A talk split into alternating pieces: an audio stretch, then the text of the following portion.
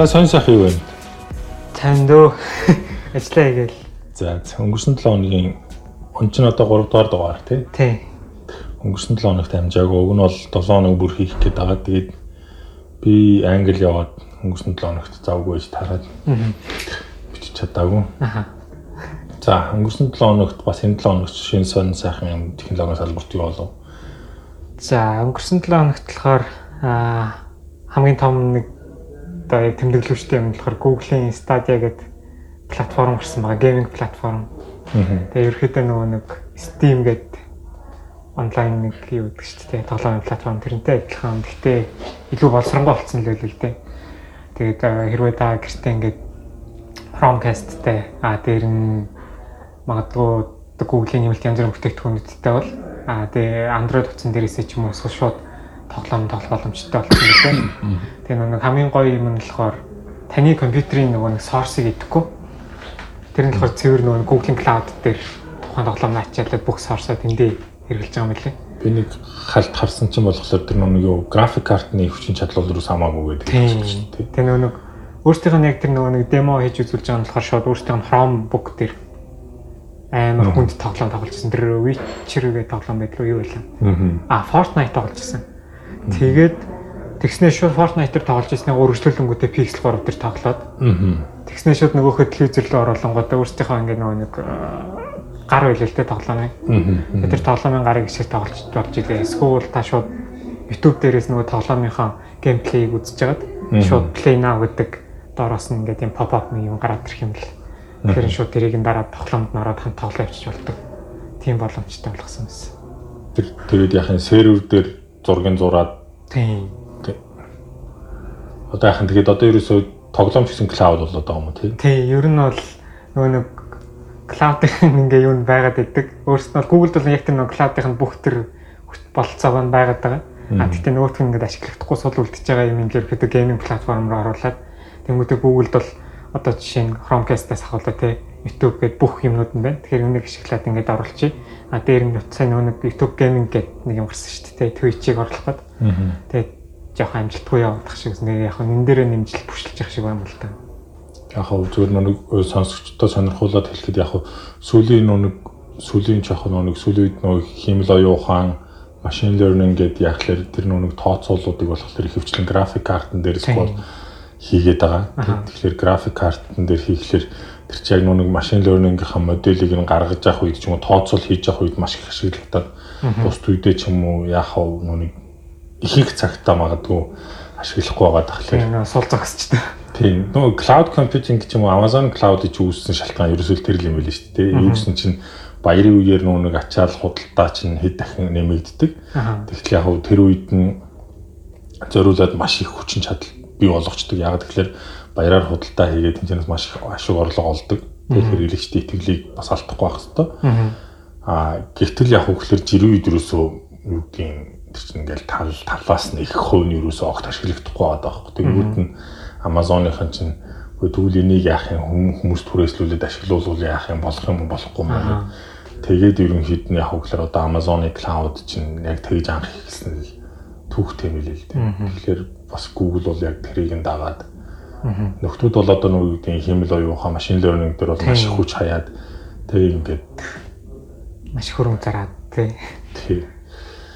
Миний хувьд болохоор яг сүүлийн өнгөрсөн 7 хоногт энэ 7 хоногт мэдээ энэ төр ер нь баг унших маш зав багтай байсан. Тэгээд уншсан юмнаас гэх юм бол за нөгөө Nginx гэдэг нэг компани байсан. Тэрийг F5 гэдэг компани төр чинь 2 хоногийн өмнө л баг тий худалдаад авчихсан 670 сая доллараар гэж байгаа шүү дээ. Nginx чинь одоо юу гэдэг веб сервер Apache-гийн хооронд гарч ирсэн. Миний хувьд болохоор бүр юу гэдэг нойлын юм хийдчихүүлээд documentation site нь орос хэл дээр зөвхөн байдаг. Англи хэл дээр байдгүй багт анх news юм-д зөриулж ашиглаж ирсэн. Тэгээ худалдаад авчлаа гэхлээр нь бас их гайхсан. Аа бас нэг өөр нэг юм нь болохоор өмнөх өмнөх подкастуудад яриад байсанчлан Swift 5 хөлбөр гарсан байлээ. Оо за. Тийм. Тэгэхээр одоо үгийн дараа Swift 5 тэгээ iOS 12-ийн 2 12 цаг 2 те одоо нэг Mac macOS 10 11 цагийн 4 билүү хөдөлээд чинь. шинэ чиглэр чиглэрхэн шинэ апдейтууд гарсан тийм. Тэрэн дээр чинь болохоор яг хөглөр Swift өөрөө дотор нь хамт агуулгадаад ирж байгаа. Swift дээр хийсэн програмууд одоо жижиг тэр платформуд тэр хөлбөрүүдэд зориулж хийвэл арай жижиг хэмжээтэй эсвэл илүү хурдан ажиллана гэсэн үг. Гэтэ мэдээж Swift 5 ашиглаж байгаа тохиолдолд тийм. Apple event-ийг үзнэ үү? Apple event яг бүтэн бол үзээгүй хальтгааларсан. Тэгээ ер нь бол бас юуны араас л явж байгаа шиг үлээ. Ер нь стриминг үйлчилгээний араас л явж байгаа шиг үлээ. Тэгээ нэг TV Plus гэдэг Netflix шиг үстэй нэг яг амар олон тэмнүүд хийхээр тохиролцсон. Энэ нэг Arcade гэдэг бас тоглоомын гейминг платформын юм ийцэн мөлий. Тийм. Тэгээ News Plus үстэй. Тийм News Plus. Apple News Plus. Бас subscription based тийм. Гэтэ яг зүгээр юу гэдэг сайн нэг айгүй олон нэг өвтөйхэн боломж гараад нөх хадагш явж байгаа шүү дээ. Тэнгүүд яг хөглөр тэнцээ ингээд танилцуулж байгаа ихэнх юм бид нэг нэг сонирн болгоол аваад үзчихэж байгаа шүү дээ. Тэнгүүд яг бид нарт ихэнх нь ингээд нэг жишээ нь үгдгийн ойлгомж үйл юм билий л дээ. Одоо хамгийн энгийн нэрхэд Apple Pay бол үнэхээр амьдралыг хөнгөвчүүлж ирэн гэж ингэж юм гэдэг. Тэгтэл бид нар яг Монголд байгаа хүмүүс чинь нийтээр бол тэрийг хэрэглэх боломж байхгүй тий. Ер нь яг ямар давуу талтай юм бэ гэдгийг ингээл чинь байхгүй л байгаа дээ. Сая ингээл Москвад байна, Лондонд байна. Тэгэл явхлаар чинь ерөөсөө contactless payment гэдэг бол ерөөсөө хаасаг орцсон. Тэгээ метронд суухдаа ер нь ямар ч юмны төлбөр төлөхлөөр шууд утсан оншуулаад бас тэгэл Apple байна уу, iOS Apple утас байна уу, Samsung, Android байна уу юу нэг хамаахгүй ба тэгэл оншуулчих. Бас картноос contactless болсон байна тий. Тэгэл ерөөсөө гэл хүргээл авах төдийд төлбөр нь төлөгдчихэд байгаа. Бүр хаа сайгүй хамгийн гол нь бүр хаа сайгүй. Тэгээ гэтэл өнөөдөр яг гэдэг бид нар чинь нэг талаас ингээ харахаар за бид миний хувьд болохоор за болоод байна да бид нар чинь ер нь бол нэг технологиос хоцрогдоогүй байна да гэж би бодоод явсан баг. Яг очсон чинь бас айгүй хоцрогдчих. Ер нь бол яг төлбөр тооцооны тал дээр бол нэлээд хоцрогдчих. Тэгээ метронд суугаад бид нар чинь юу гэдэг Лондонгийн метронд суух гээд явж байгаад нөө метроны төлбөрийн карт гэдэг Oyster гэдэг карт. Тэгэл тэрийг манай дүү мартцаал хэрэгсээ орж штт тэ. Тэгэнгүүт чи Android iPhone уцтай тэгэл iPhone шууд тун тун тун гэж уншуулаа шууд метронд суугаал орох тун шул гарах тун шулаа гэл ингээл явчихж байгаа байхгүй юу? Ямар ч асуудал алга байгаа байхгүй тэр чинь тэ. Гэтэл тэгэл би болохоор чинь нөө нэг асуудалтай юм нөө нэг карта хаана ийснэ мартчих юм аа. Тэгээ амар олон карматай, гүржинэ карма, өмдний карма, цамцны карма хаана. Тэгээ сүулдэ эхлээд нэг хэсэг мөнгөнд жагаад. Тэгэл ерөнхийдөө болсон л доо тэр чинь нэг яг бүхснийхөө команд ерөнхийдөө суугаад. Тэгэхээр тэр чинь бол айгүй чухал. Тэгээд Apple чинь нэг юм шин төлбөрийн карт гаргаж хэлээ те. Тийм кредит карт гаргацсан байсан. Тэр нь ямар ч хүний мэдээлэл байхгүй. Тийм Тэгээ алга болгосон ч хайсан ч харамсах юм байхгүй. Тэрийг нь ашиглах ямар ч боломж байхгүй. Тэгээ авахд өнгөө авахд өнгөө. Ер нь бол бүх салбарлал ер нь юу хүү зүгээр бас нэг Apple-ийн танилцуулгыг үзээд нэг төрсөн өөр нэг сэтгэл болохоор айгүй айцтай. Яг тэгэхээр Apple шиг ингээд нэг маш том экосистем хамарж байгаа компани бүх салбар салбар руу орж байгаа байхгүй чинь. Тэгээ одоо бол одоо юу гэдэг Goldman Sachs-тай нэлээд банкнуудтай өрсөлдөөд эхэлж байна те. Тэгээ Goldman Sachs болохоор маш том даваа талыг гаргаж өгч байгаа байхгүй. Тэгэл одоо юу гэдгийг тэрбум iPhone хэрэглэгч одоо жишээ нь зах зээл дээр байна гэж яриад байна шүү дээ. Тэгэхээр чинь тэгэл тэрбум хэрэглэгчийг карттай болгох. Тэр хүмүүст үйлчлэх гэдэг чинь бол маш том зах зээл байна. Тэрэнд яаж хүрэх вэ гэхээр зөвхөн Apple-аар дамжуулж хүрэх байхгүй. Тэгэхээр Apple-тай хин найзлах юм. Apple-тай хин дайсгах вэ гэдгээс шалтгаалаад маш олон юм зах зээл дээр байж байгаа энэ хөмсөлдөн ч юм уу тийм тийм капитализм гэдэг юм дээр нөлөөллүүд гарч ирээд байна. Дээрээс нь яг хав том компаниуд ингээд салбар салбарт ороод байна шүү дээ. Жишээ нь одоо юу гэдэг Apple-ийг ингээд харах юм бол тодорхой нэг салбарыг ингээд нэг тодорхой хэмжээнд хөгжөөд тэг боловсрохыг хүлээж агаад гайгүй боловсрлоод боловсроод хүмүүс хэрэглээд эхлэнгүүт нь орчиж байгаа хгүй. Жишээ нь Spotify бол music streaming гэдгийг чинь ингээл анханаас нь авахулаа санаачлаа боожуулаад боожуулаад боожуулаад боожуулаад яг хүмүүс мөнгө төлөөл хэрэгэлдэг болоод эхэлж итлэн Apple Music гаргаж ирээд мөнгнөөс нь хамчиж штэ тэ бас. Амар богино хугацаанд калсиум маягийг гаргаж ирсэн. Тэнгүүд ч одоо юу гэдэг Netflix гэдэг нөхдүүд чинь ч юм Facebook, HBO, Hulu ч юм нөхдүүд чинь видео стриминг гэж юу вэ гэж бас ингээл боожуулаад хэрэглэгчтэй ингээл нөгөөд бол одоо л нэг саяхан бас нэг юмнууд харж ирсэн чинь яг хөө телевиз үзэлттэй стриминг үзэлт чи бүр нэг бас нэлээд дөхөв ойролцоо төвшөнд очлоо байлдаг чинь шүү дээ. Тэр чинь бол айгүй том хугарлын цаг болчихоо. Яг энэ үед нь болохоор Apple TV Plus гэх нэг шинэ юм гаргаж ирэл original content хийгээл хэлж байгаа юм л та. Тэгэхээр одоо юу гэдгийг амжилттай болох үгүйг нь бол мэдэхгүй. Гэтэ энэ том компаниуд салбар салбар руу ордог тий. Том компаниудтай хамтарсан түншсэн илүү хөгждөг. Бусд нь хохирдог нэг тийм амар тэнцвэртэй биш юм шиг санагдаад байна. Нөгөө талаас нь ингээ харахаар жишээ нь за юу гэдгийг сая юу гэдгийг Facebook дээр байж хахад технологи улсуудад ойрох явж хахад яригдчихсэн нэг сэдв болохоор том компаниуд бол үргэлж амжилттай явахгүй юм байна. Google бол одоо хичнээн бүтээгдэхүүн ээж хаав гэдэг. Яг тэр сэдв нь болохоор сая нөгөө Google-ийн inbox бас гарч байгаа юм л тээ. Inbox гэдэг одоо яг яг л надад хэрэгтэй өстө хүн болгоны хайртай дуртай нэг бүтээгдэхүүн байсан чи аачлаа гэл. Тэнцээ байсан баг бүхэн гомдолж байгаа жишээ юм тээ. Тэгээ сая нааша явж байхад бас уншиж байхад Google чинь бас нөгөө юу гэдгийг Netflix-тэй өрсөлдөхөөр стратеги боловсруулж ирсэн. Тэрнээс ерөнхийдөө буцаж ах шиг байна. гэсэн дотоод мэдээлэл задарсан байлээ. Тэгээд тэр нь яг үнэхээр Netflix-тэй өрсөлдөх гээд те өөрсдийн гэсэн контент бүтээх гэдээсэн. Тэрнийгээ бодлоосоо буцаж ингэсэн. Тэр нь үнэхээр болох юм уу юм уу? Мэдгүй тэрийг л одоо үгүй харах хэрэгтэй болчихж байгаа. Аа. Миний хувьд болохоор юу гэдэг сонин сайхан гэвэл юм л юм. Тэгээд Чиний өнөөдөр сонгосон сэдв юм? Би өнөөдөр TypeScript ярихаар сонгосон байна. Би бол React Native ярина. За TypeScript-ийн тухай ярьцгаая. За TypeScript. TypeScript бол ерөөдөө нөгөө нэг JavaScript-ийг зориулсан superset гэдэг. Аа. Тэгээ яг нэг өөрөө болохоор compile-даг. Тэгээд анх гарч ирсэн түүхийг нь би яг нөгөө мэддэг байж байгаа. Тэгээ нөгөө подкастн дээр үлээж жоохон судалсан л та. Аа Тэгсэн чинь ингээ нөгөө нэг 2010 онд Microsoft-ийн анх нөгөө нэг SharePoint гэдэг project эхлүүлсэн юм л л дээ. Тэгээ SharePoint яг яадаг гэхээр нэг интернет орчинд веб бейсэд Microsoft Office-ийн одоо нөгөө бүтээгдэхүүнүүдийг ажиллах боломжтой болгосон тийм төсөл юм билээ. Тэгээд Office 365 гэдэг шүү дээ.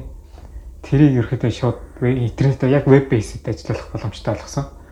Тэгээд яг нэг тодорхой хэмжээнд ингээ баг гаргаад тэгээ нэг баахан веб хөгжүүлэгчтэй авчирж ирээ. Дээр нь яг нэг офисын ажилтныг оруулж ирээ. За ингээ та нар ингээд энэ SharePoint-ийн төсөл дээр ажиллах хэрэгтэй байна гэд. Тэгсэн чинь нэг инээдтэй юм шиг асуудал нь офисын ажилд орж ирснэ. Бид нар JavaScript мэдэхгүй гэсэн. Тэгээд JavaScript чинь ингээд ийм хэмжээнд ингээд JavaScript чинь бичиж чадахгүй бид нар мэдэхгүй байх чинь зарим баг тал нь чинь ингээд бүр JavaScript чинь ерөөсөө мэдэхгүй тийм хүмүүс ингээд. Тэгээд амар олон төрөл хийж туршсан байлээ. Тэгээ амар олон түүл хийж туршаад ингээ явсаар хагаад 2012 онд ерөөхдөө TypeScript гарч ирсэн. Яг нөгөө нэг аль биесээр танилцуулагдаад. Тэгээ нөгөө нэг бас яг энэ чинь нөгөө open source болох уу гэдэг дээр амар их асуудалтай байж хагаад бүр ингээ явсараад амар том удирдлагын хэмжээнд яригдчихэж нөгөөх нь open source болсон юм байл л дээ. Тэгэл TypeScript гараад ирсэн чинь нөгөө офисын ажилчид болохоор нөгөө нэг C# дээр ч юм уу те юун дээр яг офисынхаа програмуудыг бичдэг байсан хүмүүс болохоор яг TypeScript руу хэлбэр болоод эхэлсэн. Тэгээд JavaScript ч юм бол мэдээж өөрөө нэг динамик хэлжтэй те ингээд яг ямар төвшөнд нь энэ хувьсгчийг ингэж ингэж ингэж нэг тийм юуж байхгүй гэж хагаад яг өөрөө нэг execute хийх үедээ яг нөгөө юугаа шалгаж хувьсгчийн төрөл мөрлөг шалгадаг байсан. Тэгтэл нөгөө C# mark дээр ч юм уу яг Java дээр бичээд нөгөө сурцсан хүмүүс болохоор яг нөгөө JavaScript бичихээр тэр юм дээр нэрөөсөө тасч өгөхгүй тэгээд тийм төлөв хийсэн мөлий. Яг анх нөгөө нөгөө их хийсэн гарч ирсэн түүх нь бол ийм учиртай лээ. За тэгээд ерөөхдөө нөгөө нэг анх болохоор TypeScript-ийг compile хийхдээ JavaScript дээр дээр компайлерыг хийсэн байсан юм билээ. Тэгээд сүүлд нь TypeScript дээр бичээд тэгээд TypeScript дээр бичсэн компайлерын TypeScript-ээр TypeScript руугаа ёо JavaScript руу компайлддаг гэсэн тийм юу хийсэн юмсан. Програм стилийн хувьд болохоор ч нэг тэр чинь юу гэдэг self hosting гэж нэрлэдэг гэсэн үг лээ self hosting хийнэ гэдэг нь өөр айгүй том алхам юм шиг байлээ л дээ одоо шиг. Тэр амар их цаг авсан л гэдэг. Тийм тэр нэг Go-ыг би уншижсэн чинь Go гарч ирэл явж явж байгаа Go нь өөрөө Go дээр бичигдсэн байлээ шүү дээ.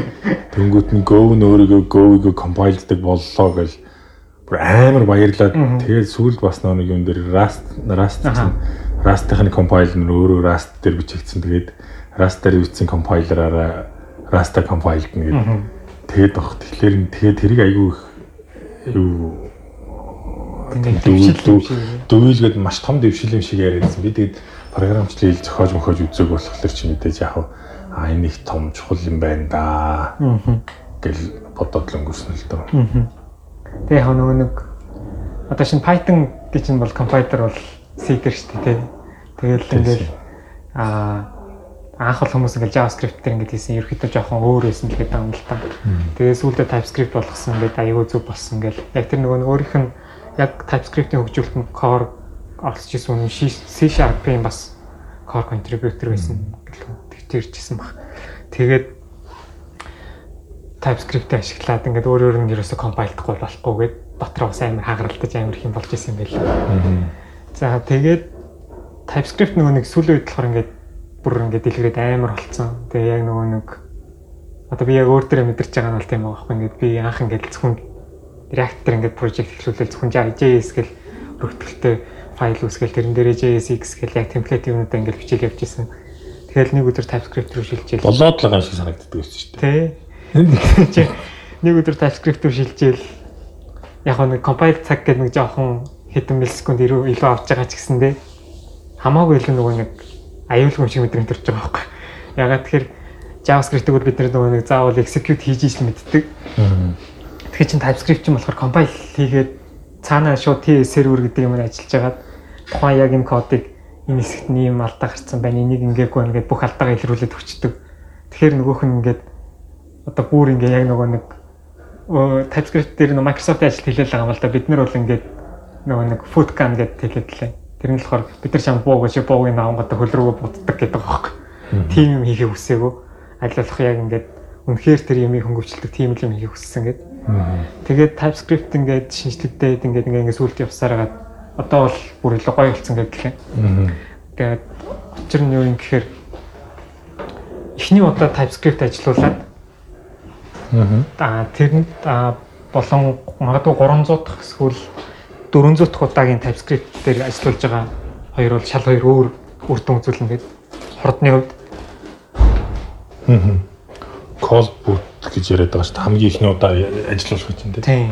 Тэгэл тэрнээс хойшоо бол яг нөгөө нэг энэ төрлөө гэдэг юм аа бүгдийн TypeScript-ийн тэр компайлер дээр шууд өөр ингээд мэдчихэж байгаа. TypeScript 3 дээр тэгж юм орж ирлээ. Хэд дээр орж ирлээ? 3 2-ын 2-ын 8 лөө 3 гэсэн хаа. Тийм. Тэгэл ерөнхийдөө бол юм болж байгаа. Гэтэл нөгөө нэг нөгөө талд нь болохоор Node.js-ийн Win авч бас яг тийм болчиход байгаа шүү дээ. Эхний ингээд код ажиллаа тэрнээс хойш ерөнхийдөө илүү нөгөө хурд ажиллах боломжтой болоод ингээд яваад байгаа. Аа.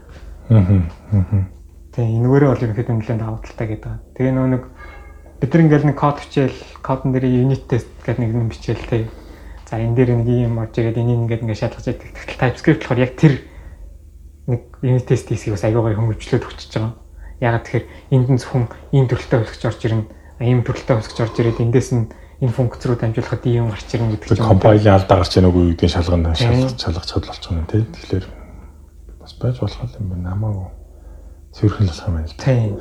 Чи тэгтээ flow үзнэ. Flow гэдээ бас нэг яг TypeScript юу гэдгийг юуныхын талаар JavaScript чинь чинь бичигээд тэгэхээр мэдээж нөгөө түрүүний хэлснээр dynamic байгаа даа. Тэгээд үүдийн өвглийн төрөл мөрлөө байхгүй болохоор жоохон хэцүү байгаа гэсэн. Тэгэл CoffeeScript гэл нэг юм JavaScript-ийг бас нэг сайжруулах гэж гарч ирээл Elm ч юм уу одоо ингээл амар олон юмнууд гарч ирээл явсаар байгаа л одоо сүулдэ явах гэхээр ер нь бол TypeScript нэлээд ялаад дийлээд дийлчих шиг боллоо те одоо чинь үүдийн JavaScript сурах гэж байгаа хүмүүс ер нь бол TypeScript сурсан дээр шүү гэдэг юмнууд яваад байна. Сүүлийн үед бас нэг харахаар JavaScript дээр ашигладаг тийм сангууд бол ихэнх нь TypeScript рүү шилжээд байна тий. Аа тэгэхээр TypeScript дээр биччихлээр ингээд нөө төрөл нь айгүй боломжтой болчихж байна ингээд ашиглаад амархан болчихсон. Flow гэд бас нэг юм байгаад тах шүү дээ тий. Тий, Flow. А нөгөө нэг яг нөгөө TypeScript ашигласан чинь нөгөө нэг давуу тал нь бидэд чинь ингээд одоо баг код чинь ингээд өөрөө өөрийгөө ингээд documentation маягийн мэдчихэж байгаа шүү дээ. Тэгээ нөгөө нэг аа дээр нөгөө нэг өөрх нь бидний бичдэг текст эдиторууд тий ID гинүүдтэй болоор амар сайн ингээд нэгт ажилтдаг болсон. Тэгэхээр нөгөө энэ файлыг ийшээ импортлоод тэрэн дээр нь энэ импортлсон файлынхаа энэ функцийг дуудах гэл тэнгуү чинь шууд текст эдитер дээр энэ дэр чинь ийм юм утга аваа энэ дотор ингэдэг ингэдэг ингэдэг гэл бүх докюменташн маягийн юмнууд ингээ гараад ирчихэж байгаа тийм. Тэнгүүд энэ маань болохоор цаана нөгөө нэг дараа нь яг ямар хуу одоо тосломж биднэрт яаж хэрэгтэй байна гэхээр магадгүй би энэ төсөл дээр ингээ нэг юм бичиж байгаа 2 3 сарын дараа орж ирэхэд баг нөгөө кодо мартцсан байдаг байхгүй хаана юу игээд орхисон. Тэнгүүд энэ яагаад ингэж бичлээ гэж бодож байна. Тэнгүүд нөгөө функц ч юм уу нэг функцтэй файл руу ороод энэ тэнд ингээд авчиж өөр курсороо авчиж сэдвийг дарахад нөгөөх нь энэ функц дотор нь ийм юм шинээр нэмэлтээр орж байгаа ингэж байгаа ингэж байгаа гэдэг юм гараад ирдэг. Тэгэхээр нөгөө нэг кодо ерөөдөө өөр өөр ингээд баг докюменташн хийгээд өчөж байгаа. Тэнгүүд яг нэг флоуийг яагаад ингээд нэг сайн явахгүй байгаа гэдэг шалтгаан нь болохоор миний ойлгосноор бол а текст эдитортэй маш сайн интеграшн хийгээгүйгээс болоод явахгүй гэж ойлгоод байгаа. Яг flow бол яг адилхан л ингээд текст эдитор дээр нэмэлтээр ингээд суугдаал тий. Анх нөгөө нэг Facebook ч бас нэг nuclide гэдэг нэмэлт тий. Бас нэг type юуны VS Code-ийн extension маягийн нэг юм. Тийм тэгээд nuclide ч бас яг нөгөө нэг өөрөө яг нэг team зорилготой гарч ирсэн. Atom дээр суурилсан мэт тий. Тий, Atom дээр зэрэгсэн Facebook хийсэн тий. Тэгээд тэгснэ нөгөө нэг flow болохоор TypeScript яг адилхан юм хийх гараад ирсэн. Тэгтэл нөгөө TypeScript нь болохоор цаанаас нь ингээд амар хүн амар олон хүмүүс ерөөхдөө нөгөө нэг дэмжигдсэн л байгаа юм л та. Шинэ Google-ийн Angular гэхэд чинь шууд project нь үүсэхдээ бүх юм ингээд дотор нь байж идэг те RAM бүх юм. Гэтэ бүх юм болохоор type type safe гэдэг байгаа байхгүй. Бүх юмаа TypeScript ашиглаж бичих хэвээр. Тэнгүүд нөгөө талд Microsoft гэдэг амар том компани а тухайн үед магадгүй тэр нөгөө дөнгөж TypeScript гарч байхдаа бол open source-ийн өмнө дээр ямар ч оролцоо байхгүй амар хүмүүс үзий яддаг те open source талаас нь бол за инста тийм байхгүй байхгүй гэсэн тийм хүмүүс байж байгаад гин TypeScript, script гаргаад амар их юм open source бодлогоо open source төр гинт ингээл амар хүчтэй оролцоод байсан. Тэгээд Microsoft өөрсдөө бас амар их юм TypeScript болгоод юм ашиглаад хийгээ явцсан. Тэрнээс болоод TypeScript нэлээд сайн явсан байх л гэж боддог. Бидний бас нөгөө харагддггүй талд маркетингийн юмнууд айгүй хийгддэг юм л доо. Жишээнүүдийн зарим нэг төслүүдийг TypeScript болох. Microsoft-ийн хамгийн миний бодлоор оролцоод хийгээд байгаа юм болохоор тэр нэг definitely type нэг project байлаа шүү дээ. Жишээнүүд гэдэг JavaScript дээр бичигдсэн код кодууд ч юм уу сангуудад third party буюу нэг гуравдагч байдлаар зөвхөн төрлийг нь өгөөд идэг. Тэгээ одоо жишээлбэл React дээр ч бол жишээ нь TypeScript төрлүүд нь байхгүй байхад чинь at types/react гэдэг package суулгаад төгөнгөж чинь React дээр холбоотой бүх type-уудын мэдээллүүд ороод ирж байгаа. Тэр бол нэлээд айгүй том юу болчих шүү. Flow-ийн хувьд болохоор шүү дээ. Миний бодлоор ер нь бол сүүл сонссон юмар болохоор амар удаан байгаад тэгээд энэ архитектурын ч юм уу нэг жоохон асуудалтай л байсан юм шиг үү. Тэгээд тэрийгэ засах гад маш их удцсан. Тэгээд тэр хооронд нь одоо юу гэдгийг тэрийгэ засцсныхаа дараа нүг интеграшн интеграшн илүүдтэй юмнуудаа хийх гэж сайжруулах гад нэлээд утцсан юм шиг л л тэ. Тэгээд тэр хооронд TypeScript илүү өгч авчлаа гэх. Тэгээд бас нэг асуудалтай нэг юм нь болохоор ер нь үгдийн програм хангамжууд ингээ харахаар ямар зорилгоор яаж хийгдэж байгаа вэ? Яг үндсэн хөгжүүлэлт нь хаана явж байгаа вэ гэдгээс шалтгаалаад төслүүд өөр өөр байх шиг байна л. Юу гэдгийг за flow болохоор чинь за Facebook зөвхөн дотроо зориулж дотоод одоо TypeScript шиг байдлаар эхэлсэн төсөл байхгүй тий тэгэнгүүт их хөвчлэн яг хөглөр дотооддоо ажиллаж ивэл гадаадх нь өнөөдийг гадаад талд нь фэйсбүүкээс гадна байгаа хүмүүсийг ерөнхийдөө хайхрахгүй байгаа жоохон гомдооц юм шиг байхгүй одоо жишээ нь тий юу гэдэг тэр хүмүүсийн сэтгэл мэтгэл гэдэг ч уншихлаар тийм шүү дээ. Флоу минектор ажиллахаа болоод ийш үүсгээд хичнээн удаад ах ерөөсөө засахгүй байх тий гэд тий ийм хурднуудаан байна гэд ингээд байна тий эсвэл ийм алдаагийн засгаа pull request үүсгэчихэд байхад тэрийг нийлүүлэхгүй юм ч юм уу. Тийм гомдлууд аягүй их байгаад тах шиг байсан. Дөнгүүд нэг TypeScript нь болохоор илүү open source талдаа ихэнх юм дандаа яг хөглөр GitHub дээр хөгжүүлэлт нь үндсэн байдлаар хийгдэв. Тэнгүүд яг хөглөр тэнцэн нүг оролцоо нь хүмүүсийн оролцоо гомдол тэр бусад ашиглагдж байхад нь тэр юм дээр аягүй сайн ажилласан юм болоо жишээ нь React болохоор чинь чинь бас яг GitHub дээр үндсэн хөгжүүлэлт нь явдаг гэдэг ба шүү дээ. Тэгээд дараа нь Facebook руугээ дотгошоо оруулж ашигладаг ч юм уу. Тэгэхээр мэдгүй. Ер нь бол ямар нэгэн төслийг open source болгоно гэдэг нь тэгэл дотроо нэг хуулийнхаа хилцтэй нэлээд том мөө юм болж иж арайч болгодог шилж тэр чи яагаад тэгэхээр компани оюуны өмчлөхлөөр TypeScript-ийг сарн open source болох гэж баг 2 жил гарын ингээ ажилласан гэж ирж байна. За тэгээд TypeScript сурах за flow жоохон яа юм бэ те. Аа TypeScript сураад TypeScript яг хав бид хоёр ч ингээл мэдж байгаа юм чинь TypeScript руу эхлээд ороход жоохон сонир юм те хэцүү. Тийм. Жоохон хөвчөглөлтэй болчих гоцсон. Тийм ингээл төрлийн өмнө нь зүгээр ингээл заримдаа бол бүгдээрээ л мэдж штэ аа чин тоол юм чин гэдэг юм хэлжил байдаг. Гэхдээ тэрийг нь энэ бол аа чин бол заавал тоо юм шүү гэдгийг нь хэлж өгөөд эдитер дээрээс те илүү сайн дэмжлэг авах нь эхэндээ жоох илүү ажил байгаа юм. Одоо эргүүлээд чи JavaScript бичих үү яг plain JavaScript уу яг өөрөө өөрөөр нь Тэгэхэд бол бас хэцүү санагдаад байна. Хэцүү санагдаж байна. Тий, баг TypeScript-тэй ашиглаа, TypeScript-ээр нь бичээ, TypeScript-ээр нь өөрөөр нь compile-дуулаад ашигласан илүү амар санагдаад байна л та. Тэгээ нөгөө нэг бас TypeScript яг TypeScript-тэй адилхан Babel гэдэг бас байгаа шүү дээ, тий. ECMAScript-ээр бичингүүтээ нөгөөхөө ингээ хөрвүүлчихдэг, тий. Тэгээ нөгөө нэг яг TypeScript-ийн нэг Babel-тэй харьцуулахад одоо суул тал гэх үү, эсвэл даваа тал хөө тэрийг бол яг сайн хэлж мэдэхгүй. Babel бол одоо шинэ ингээд амар олон модулаар бүтцтэй, тий Ингээл өөр нэг юм авчирч ирээд нэг юм дээр хийгээл залгаал нөгөөх нь дараа ингээл ингээл амар хэм хийдэг. Тэгэл TypeScript болохоор чинь ерөөсөө нэг л config file маягийн ингээл нөгөөх дотор бүх юм аягийг хийгээ явчихж байгаа. Тэгээ өөрөө нөгөө нэг extension гэхээсээ илүү тухайн нөгөөлнийхэн зөвхөн type-уудыг л авчирч ирээл тавьчихдаг. Нөгөөтэй бусад юм аа бол яг л JavaScript-ийн syntax бүх юмар бичиж байгаа шүү дээ. Тэгээд яг гоо Microsoft-ийн өөрсдийнх нь хэлж байгаа нь болохоор бид нар бол TypeScript-ийг анханаас нь ингээ гаргаж ирсэн нь а биднээс өөр баг ингэ сайн хийх одоо TypeScript ингэ сайн хийх газар бүр нь бол баг байгаагүй гэдэг байхгүй. Тэгээ яагаад гэж хэлж байгаа гэхээр нэгдүгээр өөртөө Office-ийг веб руу хөрвүүлэх гэсэн тэр нэг ажил нь өөр амар том ажил байсан. Аа. Яг нөгөө нэг компьютер дээр өөр дээр нь суудаг десктоп аппликейшны хэмжээнд веб дээр ажилладаг болох нь бол нэлээд том ажил байсан юм билээ. Оо амар том ажил. Тэгээд чи чинь төрөл мөрөл зааж өгөхгүй бол тий. Тэр чинь Тэгээ тэр чинь зөвхөн вебийн орчинд ажиллах хэрэгтэй болохоор JavaScript сонгохоосоор сонголт байгаа. Тий. Тэгээд дээр нь нөгөө нэг өөртөө эдгээр чинь Chakra гэдэг JavaScript-ийн engine байгаа шүү дээ. Тэгээд тэр team юмтай тэгэнгүүт JavaScript-ийн тэр нөгөө нь болохоор C+ болон C дээр бичигдсэн яг нөгөө нэг цэврээр binary руу ажилладаг team юм байгаа даа.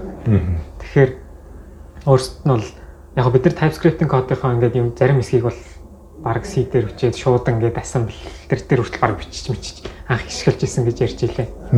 Тэгээд ерөөхдөө зарим байдлаараа нөгөө нэг хурдан ч юм уу тэр нөгөө нэг цаана TS сервер яг гаяж хурдан ажиллаж байгаа хэсгүүдийг юу нахаа авах бол тэгж ашиглаж исэн гэж ярьж исэн. Тэгээд бид нэр ингээд бас тийм гэсэн байгаа байх. Тийм байгаа л. Тэгээ нөгөө нэг бид нэр ингээд хажууд нь JavaScript ажиллуулах engine байна бид нарт те. Тэр бол ингээд closed source байсан тэр юм байж байгаа ингээд юм болсон гэл. Тэр тэгээд дээр нь бид нэр ийм томцлыг ингэж энэний тул TypeScript гэдэг ингээд түүлэн хийцэн байна. Энэ хоёрыг холиод ингээд ингэх юм бол биднээс бүр амар том юм гаргаж боломжтой байна.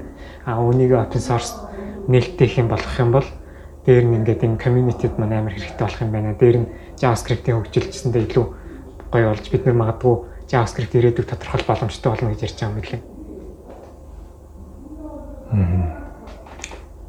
Лондонд дэж яхад нэг гарсан яриа нь юу гэж. Айгуу сони юм ирсэн байхгүй. Тэгээ тэрний үгээр нэгэнд TypeScript хичээд бичиж штэ чинь int гээд ингээд зарлаад өгсөн байвал JavaScript дээр тэрийг нь int гээд нэг bytecode optimization хийгээд явуул гэдэг аахгүй. Тэгэхгүй болохоор тэр чинь ингээд JavaScript дээр орохдоо нөө төрөл арилжиж байгаа шүү дээ. Erase хийгдээд байхгүй болчихоо. Хөвсөгч зарлангууд тэр чинь юу ч хамаагүй байж магадгүй болчиход тэнгууд юу ч хамаагүй юмтай ажиллах гэхлээр чинь одоо юу гэдэг юм бас нэг нэмэлт шалгалтууд энэ төр хийдэг байхгүй.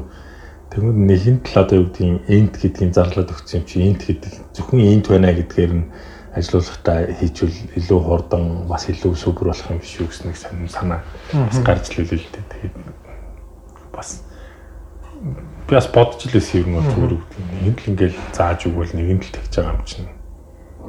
Болохгүй юм бол байхгүй л та. Тэгээ нэг JavaScript дээр чинь нэг hosting гэдэг нэг ойлголт байгаа шүү дээ. Тий нөгөө хувьсгч нь яг тухайн JavaScript код execute хийхдээ зарлцсан хувьсгч нь хамгийн дээр нь авчаа хийдэг. Тэнгүүтээ тэрийг зарлсан гэхдээ нөгөө value-г нь авахгүй зөвхөн хувьсгчаа л авч тавингуудаа бусад юм execute хийж явчихдаг. Тэнгүү TypeScript-ээр болохоор чинь нөгөө яг төрлийн заагаад өгч байгаа бас нэлээд олон алдаануудыг айгүй сайн сэргийлж өгч боломжтой болчихлоо юм л да. Аа. Ер нь бол JavaScript сурж байгаа сурах гэж байгаа эсвэл сурцсан чаддаг улсууд бол ер нь бол миний чинийхаар бас минийхаар ер нь бол тэгэл хурдхан шиг TypeScript рүү шилжээчээл гэдэг юм. Тий. TypeSafe код бол бүр яалч нөгөө нэг дараа нь ингээ харахад айгуу гой санагдаад байгаа юм л та. Зүгээр ингээд тэг ингээд дурт нь бол би ингээд нэг JS бичээл нөгөөх нь ингээ линт тин тин тин тин гэ янз бүрийн хэлж боломжтой байсан бол TypeScript рүү чихэр ядчихл нөгөө код нь айгуу гоё бичих боломжтой болчихж байгаа. Тэгэхээр нөгөө дараа нь ингээ кодоо харсан чисэн магадгүй танай төсөл төр шинэ хүн орж ирэхэд эсвэл тухайн төслөө ингээ төр зур хаяад өөр төсөл хийж яагаад нөгөө төсөл дээр буцаж орж ирэхэд бол TypeScript бол бүр ингээ амар тийм тостай төхөмтэй тий тухайн код чинь ингээ эргээ санаахад аюу амар болчиход өгч байгаа. Мм. TypeScript гоё ер нь бол яриад эхлээл тэгэхээр би за нэг CoffeeScript шиг ингээд CoffeeScript дээр надад нэг хэцүү байсан юм юу гэхээр зарим бичиглэн JavaScript-ээс тий сондоо авахгүй. Тий сондоо. Тэнгүүд яг үгээр ингээд CoffeeScript-ээр зарим юм бичихэд айгүй амархан. Тэнгүүдээ яг үгээр за нэг үгдийн нэг юм хийж чадахгүй байж байгаад интернетээс ингээд хаагаад олонгоо JavaScript дээр жишээ нь гарч ирдэг байхгүй. Тэгээд тэрийг CoffeeScript-ээр copy paste гэдэг тавхлаар ажиллахгүй. Заавал CoffeeScript байдал руу шилжүүлэх хэрэгтэй байгаа гэдэг. Тэнгүүд яг үгээр CoffeeScript сурахад надад асуудалтай юм. CoffeeScript-ээр сураад дээрэс нь тэр бичгэлс нь яг JavaScript-ээр хувирхлаар яаж болж хувирах юм бэ гэдгийг бас ахаад давхар сурна гэхлээр аюу мэддэг байж бичих хэрэгтэй болчихсон. Тийм тийм. Тэгэхээр TypeScript болохоор яг ер нь бол зүгээр л төрөл нэмж байгаагаас бус дараа бол нэг тийм ялгаатай юм байхгүй гэдг нь аюу том давуу тал бусна зүйл шиг надад санагдаад байна шин. Тэгээд шинэ хэл сурахгүй байгаа. Тийм. Тэгээ нөгөө нэг тэр чинь ингээд яг хүмүүс бол тэгдэл юм л нөгөө нэг бүх юм нэг удирдлагандаа байх дуртай гэж ярьд юм лээ. Тэгээ тэр нь яг яаж байгаа юм гэхээр би энэ функц нэг одоо энд бол ингээ функц ирэх хэвээр. Гэхдээ функцийнхаа би TypeScript-ээр функц нь ингээ юу юу авах хэвээр энэ ямар функц байх хэвээр а ямар ямар аргумент авах хэвээр дээр нь утга нь болохоор ийм төрөлтэй утга уцаах хэвээр гэдэг юм заагаад өгчдөг. Тэгэхээр энэ функц рүү дахиж өөр юм хийж дамжуулж болохгүй гэдэг юм а би ингээ мэдчихэж байгаа учраас айгуу гоё гэдэг л гэж хийх нөгөө нэг TypeScript-ийн нөгөө нэг recommend хийж байгаа л тэгж ярьд юм л. Control freak-үүд гэдэг шиг. Тэгэхээр надад бол гэхдээ TypeScript таалагддаг. Жохо ажил ихтэй. Ялангуяа React дээр ашиглаж ах чинь props-уудаад тохируулж өгөн тэ тэгэл магадгүй нэг юуныхаа юу гэдэг JavaScript өөр айгуу динамик учраас тэ энэ хувьсгч нэг бол string гэж болно int number ч гэж болно гэж тэгэхээр тэрийг ингээд тохируулж өгөл SQL нөгөөдг нь undefined гэж болно null гэж болно гэл тэ гэл тэр болгоныгоо тохируулж өгөхлөр эхэндээ жоохон залхуутай байдагсан байхгүй. Гэхдээ яг нүг яг чиний түрүүний хэлсэн шиг тэгэл дараа нь алдаа малдаанууд ингээд айгуу гоё юмуд ингээд харагдаад тэгэхээр өө тэр нүг миний тэр нэг жоохон зарцуулсан цаг маань дараа нь айгуу амархан илүү нөхөгдөөд тэ өөр шимэн хүртээд эхэлчихэж байгаа. TypeScript сурцгаая. Тий. Тэгэл угаасаа эхэндээ бол тэгэл бөөн улаан зураас гараад бөөн улаан зураас нь да засаал эхлэхэр чинь тэгэл. А тэглаа тэр нөгөө нэг текст эдиторлуудтай амар сайн ажилтдаг нь VS Code дээр бол хамгийн сайн ажиллаж байгаа. VS Code дээр сайн ажиллаж байгаа. Амар олон хүмүүс Web Storm ашигладаг байж байгаа TypeScript бичиж үзээд VS Code дээр TypeScript бичиж үзэнгүүтээ Web Storm-а хаяад VS Code руу шилжсэн хүмүүс амар их байт юм лээ. Тийм те. Сайн. Web Storm дээр адилхан нөгөө нэг юу уул нь бол байгаа юм байл л те. Нөгөө extension. Гэхдээ нөгөөх нь VS Code-тай харьцуулахад айгүй муу ажилтдаг.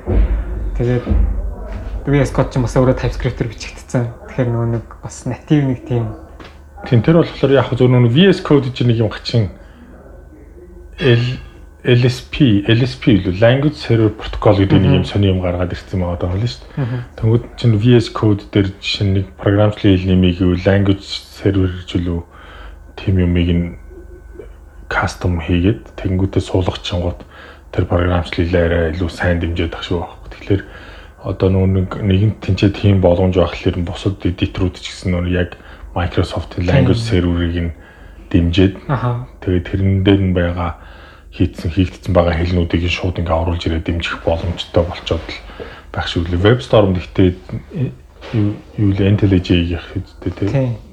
Яа нөгөө нэг аа одоо чинь VS Code дээр ингээд тест сервер ч юм бол ингээд өөрсдийг болгоно дээр старт хийж байгаа шүү дээ. Тэнгүүд нөгөө нэг Ярьж л их. Hot reload гэдэг байгаа шүү дээ. JavaScript одоо чинь ялангуяа сүүлийн үед бол JavaScript application хийж байхад hot reload гэдэг нэг амар тоо гоё фичер байгаа даа шүү дээ. Ингээд би өөрчлөлтийг л хадгалаа шууд ирэх шигдэл. Тэнгүүт а яг тэрэн дээр бол ингээд дасцсан хүмүүст л нэг нэг гоё юм нь а эдитород дээр ажиллаж байгаад би код ажилуулад орхиод браузераа зүгээр ингээ хараа суучих болдог шүү дээ. Гэтэл нөгөө TypeScript бичих нэг гоё юм нь болохоор би хадгалахаас өмнө бүх алтнуудаа харчиж болдог. Доогоор нь бүх улаан зураснууд нь гараад энэ дээр нь төрөл нь юм болтны юм байна, юм байна гэж бүх алтнууд нь гараад эхэлчихдэг. Ингээд нөгөөдөлөөгөө зүгээр нөгөө control save дарахаас өмнө бүх юмаа засаад control хийхэд бүх юм яг зүг зүгээр ажиллаж байгаа тийм тийм. Тэгээ нөгөө эдитор дээр тэгээ сайн интегрейт хийсэн нь бас үнэхээр их таалагдчихлаа юм л та. Аа. За. Өөр React-аар React-ийн TypeScript-ээр өөр сонсох. Өөр 4.0 хязгаарх юм. Тим яриа сург байна уу? Одоо ч 3.3. Тийм, ер нь бол roadmap нь бол гарцсан байсан. Гэхдээ би яг нөгөө нэг date-ийг яг сайн харт. Яг нөгөө нэг тий яаж хараагүй. Тийм л сайн санахгүй. Ер нь бол GitHub руу ороод харчиж болох. GitHub дээр. Тийм. Одоо GitHub дээр чинь номер 1 open source project ч болохоор чинь VS Code code editor Хоёрдугаарх нь React Native. Оо. Бэл шүү дээ. Байгаа юм бэл шүү дээ. Сайн нэг тийм слайд болж харсан л та. За хоёр дахь сектор руугаа өстой гоё шилжлээ. Хоёр дахь сектор руугаа өстой гоё шилжлээ. Code, React Native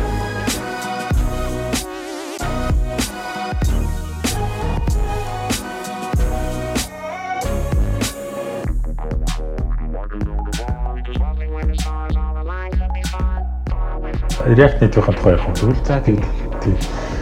За өнгөрсөн 7 хоногт нөө би Лонд явчаад ирсэн. Тэгээд Лондонд юу болсон бэ гэхээр нэг React чинь нөө Facebook-ын төсөл. Тэгээд нэлээд бас React Native React-ыг хөгжүүлдэг бас багийн нэлээд хэсэг гişүүд нь Лондонд байт юм билээ. Тэгээд Лондонд ерөнхийдөө бас React Native дээр core дээр нь хөгжүүлэлтэнд нь оролцдог нэлээд хідэн хөгжүүлэгчийг цуглуулад React Native Summit хийгээд тэгээд өрсөн. Тэгээд Английн элчинд ороод виз маань гараад тэгээд нэг Английн Лондонд Facebook-ийн офис дээр очиж нэг тонс 2 3 3 хоног. Тэгээд яг хөө тэн дээр нэг хэд нилээд яригдсан юмудаас нь бас ерөнхийдөө энэ подкастаараа дамжуулаад гэж бодлоо доо. Хамгийн гол яригдсан юм нь болохоор одоо юу гэдэг React Native маань одоо архитектураа бүрэн солих гээд бүрэн та нэлээд том хэмжээний өөрчлөлт хийх гээд явж байгаа. Аа. Тэгээд тэрийг болохоор ерөнхий нэг айгүй том хүмүүсийн нэрлэж байгаа нь болохоор Fabric гэж нэрлэдэг байгаа. Fabric гэдэг юм болох гээд байгаа. Тэгээд тэр маань өөрөө яг яаж ажиллах юм бэ? Тэгээд бас яг хүмүүсийн буруу ойлгож юм уу Fabric гэж ойлгоод байгаа боловч яг Facebook дотроо Turbo Modules гэж нэрлэдэг байгаа. Аа Тэгээд нөө яг хүмүүс болохоор нийтээр нь fabric гэж ойлгочод байгаа байхгүй. Гэхдээ turbo modules fabric хоёр нь өөрөө жоохон тус тустай байгаа даа. Тэгээд тэр нь өөрөө яаж хөгжих юм бэ? Одоо яг ямар хуу төвшөнд явж байгаа юм? Ямар асуудлууд гараад яагаад ингэж хийж байгаа юм те? Одоо шийдлийн технологийн шийдэл ямар хуу байдлаар явж байгаа юм бэ гэх мэтлэнгээр нэлээд олон юмуд ярилцаад тэгээд кодн дээр яг зарим нэг юмнуудыг энэ чимээ хэр орох Тэгээд кодн дээр нэлээд хэдэн сайжруулах асуудлуудаа яаж засах уу масах уу гэдэг нэлээнүүд ярилцаад тэгээ дараа нь хоёр өдөр бид нар чинь issue triaging гэдэг нэг юм хийгээд тэгээд 3 дахь өдөр нь бас ахаад ер нь бол нэлээд их юмнууд ярилцсан энэ жишээнүүд үүдийн Facebook-ын дотоодд нь хэрийг хашиглагдгийг хөгжүүлэлт нь яаж явдгийг ч юм уу тий. Аа. Гэх мэтлэнгээр тэлдэ нэлээд ярилцсан. Тэгээд яг одоо юу гэдэг шинэ архитектурын тухай ингээд ярилцъя л да. Тавчхандаа ярив. Тэгэхээр яг хуучин архитектур буюу одоогийнх нь яаж явд юм бэ гэхээр нөгөө app дотор ч нэг юм JavaScript engine нэг буюу байж байгаа. Одоогийнхор болохоор нэг юу JavaScript core гэдэг Apple-ын гаргасан. Тэр болохоор нэг яг дээр React Native дээр хийсэн app iOS дээр арай жижиг хэмжээтэй, Android дээр арай том хэмжээтэй байгаа гэдгийг нэг шалтгаан нь юу өсөж тэр байхгүй. JavaScript core нь Apple-ийнх Тэнгүүд яг iOS утасны дотроо дотроо өөр дээр нь байж идэг. Тэгэхээр яг үгээр iOS app-нууд нь болохоор зөвхөн JavaScript файлуудаа л өгж явуулаад тийм нөгөө утсан дотор байж JavaScript core ашиглаад ажиллаулцдаг. Android дээр болохоор чинь яг өөр дөр нь явах гэхээр JavaScript код ажиллуулах шууд ажиллуулах ямарч боломж байдгүй. Тэгэхээр нөгөө JavaScript core-ыг нь Android-ийн app-ын дотор суулгаж өгч явуулаад тэгээд тэрнийхээ тусламжтайгаар нөгөө JavaScript код ажилладаг байхгүй. Тэгэхээр яг нөгөө iOS дээр арай жижиг хэмжээтэй, Android дээр арай том хэмжээтэй байгаад гэдгийг нэг ялгаан дэр. Тэнгүүд яг хөө гэхэлэр а JavaScript дээр код нь ажиллаад нөхдүүд яагаад тэгж шийдсэн мэдгүй гэхдээ тухайн үед нөр айгүй тийм зөв гэж бодсон юм шиг юм л да. Тэрний яг хөө гэхэлэр JavaScript-ийн код нь ажиллаад тэнгүүдээ bridge гэдэг нэг юм гүүр байгаа да тийм. Яг одоо гэдэг утасны яг өөрөх нь native native plat одоо гэдэг хэсэг Тэгээ JavaScript хэсгийн хооронд юм гүүр байгаа. Тэр нь гүүр нь яг хөглөр message passing гэдэг юмар ажиллаж байгаа байхгүй. Тэнгүүд яг хөглөр нөгөөх нь ингээд хүн ингээд нэг кноп дарахлаар аа ийм юм дарагдлаа шүү гэдгийг нь мессеж шидэж байгаа. Тэ мессеж шидэн. Тэнгүүд нь нөгөө талд нь хүлээж аваад аа одоо юу гэдгийг товчон дээр дарсан байх шүү гэдгийг буцаагаад нөгөө JavaScript рүү шийдэх нь шүү дээ. Тэнгүүд наа тэгвэл ийм хариу үгүй шүү гэдэг ингээд энэ хоёрын хооронд гэнэ мэдээлэл шидэлцдэг. Гэхдээ ингэ шидэлцэхдээ нөхдүүдийн ярьж байгаагаар миний ойлгосноор буруу санаагүй бол JSON болгодог гэдэг байхгүй шинэ. Тэ. Одоо ийм юм зураарай тэ. Ийм ийм төвшөнд ингэж ингэж зураарай гэдэг нь JSON шидэнгүүт нөгөөт ингээд зурж мурдаг ч юм те. Тэнгүүд нь одоо эннийх нь нэг хамгийн том дутагдaltaй тал нь юу болж юм гэхээр ингээд товч дарангууд шууд реакц үзүүлж чадахгүй байгаа байхгүй жишээ нь те. А дээрээс нь яг хөглөр айгүй их хэмдэлэгцэн дээр зурхлаар нүүн ингээ хоорондоо явж байгаа мэдээлүүд маш их болчингууд жоох ингээ удаан зурагдаг ч юм уу те хамгийн ихний хууц гарч ирэхийн тулд нэлээд уддаг ч юм уу. Тийм нэлээд олон асуудлууд байгаа даа юм бэл. Тэгээд бас нэг өөр нэг юм нь юу гэхээр натив платформн дээр нь одоо гэдэг дэлгэцэн дээр яг одоо маш их том жигсаалтыг зөвхөн дэлгэцэн дээр гарч гарч байгаа нь зурна гэдэг тийм боломжуудыг нь өөрсдөн дээр маш их ашигласан байж идэг. Аа. Тэгтэл яг үгээр React Native маань өөрөө тэрийг одоогийн байгаа архитектураар ашиглах боломжгүй байгаа даа байхгүй. Аа. Яг тэгэхээр тэр хоёрын чинь хооронд гүйлгэлээ. За тэр юм нь одоо дэлгэцэн энэ дээр гүйжин шүүгээд ингээд явуулаад шалгаад ч юм уу тийм ингээд энэ энэ нэг хооронд ингээд харилцаж байгаа юмнууд айгүй удаан тодорхой хэмжээний удаан. Эхлээд бол нэг тийм амар анзаар анх ингээд React Native хийж яхад бол нэг тийм амар зөв юм шиг байсан гэдэг. Тэгээ одоо болохоор жоохон буруу санагдаад байна. Тэгээ одоо шинэ архитектурын фабрик нь яаж ийм вөхлөр ерөөсөө яг веб браузер шиг болчихъя гэдэг байхгүй. Веб браузер ч одоо юу гэдэг а Windows дээр нөө Mac дээр нөө тэ эсвэл одоо юу гэдэг Linux дээр нөө хамаахгүй зураг зурдаг тэ яг ингээл хариу үйлдэлүүдээ бүгднийг өгдөг. Тэр шиг одоо яг хөглөр гүүр гэж байхгүй гэдэг байна ингээд яг одоо гэдэг JavaScript дээр нэг объект үүсдэг. Тэгтээ тэр нь болохоор шууд native объектоо шууд авчираад наачи гэдэг байхгүй. Тэрийгээ C кодоор авчираад нийлүүлээд наачи гэдэг байхгүй тийм. Дарангуут нөгөөх нь шууд нөгөө нэг JavaScript дээр шууд дамжингуудаа шууд native руугаа дамжаад тэнгууд яг үгээр нүнрэх чинь яг хуу хоорондоо ингээ нөө мэдээлэл дамжуулаад нэг юм дарангуут нь нөгөөх нь JSON болгож команд болгож хувиргаад нөгөө тийшээ илгээгээд нөгөө талд очингууд нь боловсруулангуудаа за одоо энд нь хариу үйлдэл өгөх юм бэ гэдэг нь буцаа шидэд хариу үйлдэл өгдөг дээ. Шууд дарангуут нь тэр дондох гүүрийг шууд сигээр ингээ хөрвүүлээд хийчихлээр айгүй хурдан болно гэдэг. Тэнгүүдээ хавглаар бас нэг юу гэдгийг рам багад нэгэд тий. Ягаад тэгэхээр шууд нуу дунд нь ингээл амар их юмнууд дамжуулахгүй учраас рам айгүй бага гэдэг юм байна. Дээрэс нь илүү хурдан байлээ л дээ. Facebook бид нар дээр ингээд туршилтууд үзүүлсэн л дээ маш их ингээл рендерлж байгаа байхгүй. Тэгэхэд чинь ингээд одоогийн байгаа архитектураар яаж ажиллах нь гэдэг юм чинь ингээл зурагдж байгаа юм гэл мэдэгдэж байгаа байхгүй. Тэнгүүч шинэ яах юм бэ гэсэн чинь бүгд шууд гараад ирж байгаа. Тэгэхээр тэр нь өөрөө нь одоо юу гэдэг юм амар их давуу тал гаргаж байгаа. Гэхдээ нөө Facebook-ийн одоо юу гэдэг хөгжүүлэлтийн зарчим нь болохоор аюу энгийн багхгүй. Нөхдүүд одоо ингээ хийгээд явж байгаа фабрика Facebook-ийн app дотор туршаа явж байгаа. А яг одоо яг одоо л туршаа явж байгаа байхгүй. Гэтэ AB тест үү? AB тестэн дотор нь орсон л байгаа байхгүй. Тэгээд одоо яг туршиж байгаа. Нөхдүүд яг хөглөр за ангичүүл яг уу гэдэг нэг юм бодонгуудаа тэрийг шууд хийждэг юм байна. React Native дотор. Тэнгүүтээ Facebook-ийн хэдэн мянган хэрэглэгч рүү ингээд өгчөж байгаа байхгүй тий. Тэнгүүтээ нөхдүүд чи үгдийн хурдны бүх метрикүүдийн цуглуулдаг юм байна. Тэгэл яг яг ийм шийдлийг ашиглах юм бол ингэдэг юм байна, тэгдэг юм байна. Аа энийг ингээд ингээд явчих гэсэн байдлуудаараа хийхлээр айгүй гэдгийг айгүй хурдан болох юм байл л дээ. Тэгээд